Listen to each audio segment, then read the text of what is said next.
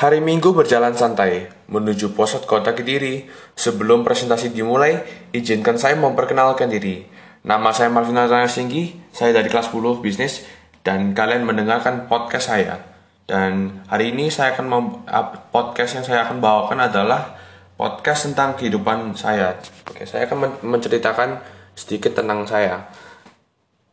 Saya akan oke, saya berumur berumur 15 dari kelas 10 dan hobi saya adalah bermain game, bermain basket dan saya bersekolah di Karis Nasional Academy.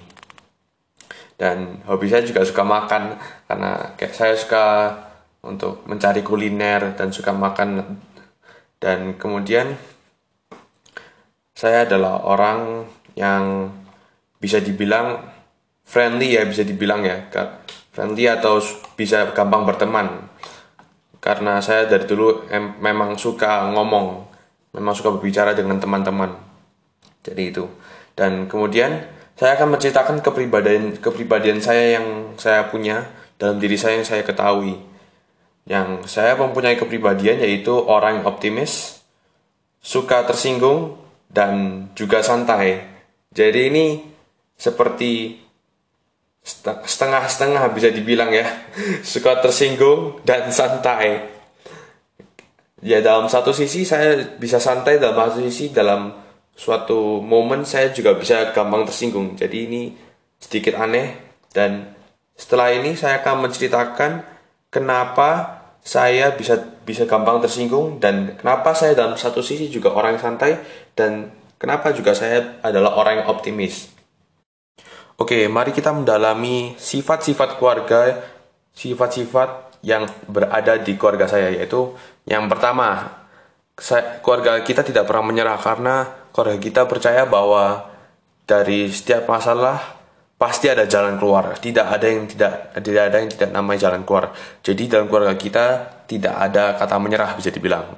Dan kedua, semua mempunyai jabatan masing-masing ini artinya apa? Sebenarnya ini bukan bisa di, bukan dibilang jabatan ya.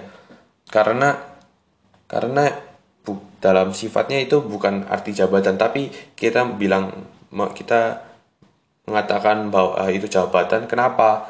Karena karena dalam hal mereka berperilaku dalam hal keluarga kita berperilaku itu kita berperilaku jika kita berperilaku seperti kita mempunyai jabatan masing-masing yang or jadi bisa dibilang jabatan masing-masing itu seperti orang yang lebih tua mempunyai jabatan yang lebih tinggi.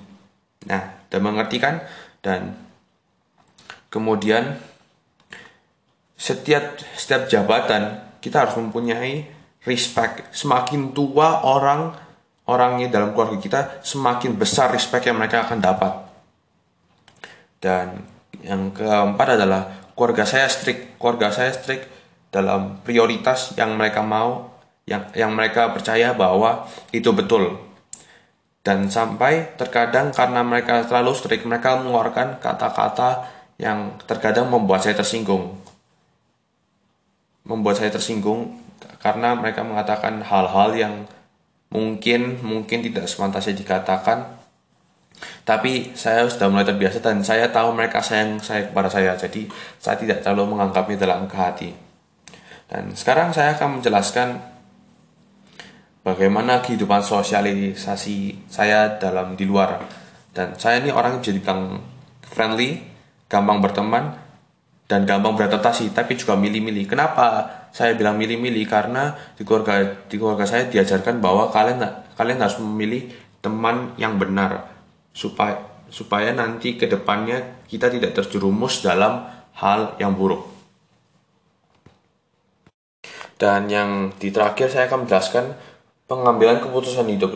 Sebenarnya di dalam kehidupan saya tidak ada yang terlalu signifikan ya dalam pengambilan keputusan hidup, tapi pertimbangkan pertimbangan yang aku lakukan dalam hidupku itu sangat penting. Sebagai contoh, saya saya dulu terkena penyakit yaitu yang bisa disebut acute transverse myelitis yaitu penyakit yang menyerang badan saya membuat badan saya lumpuh. saya sebenarnya bisa dibilang bisa lumpuh seumur hidup.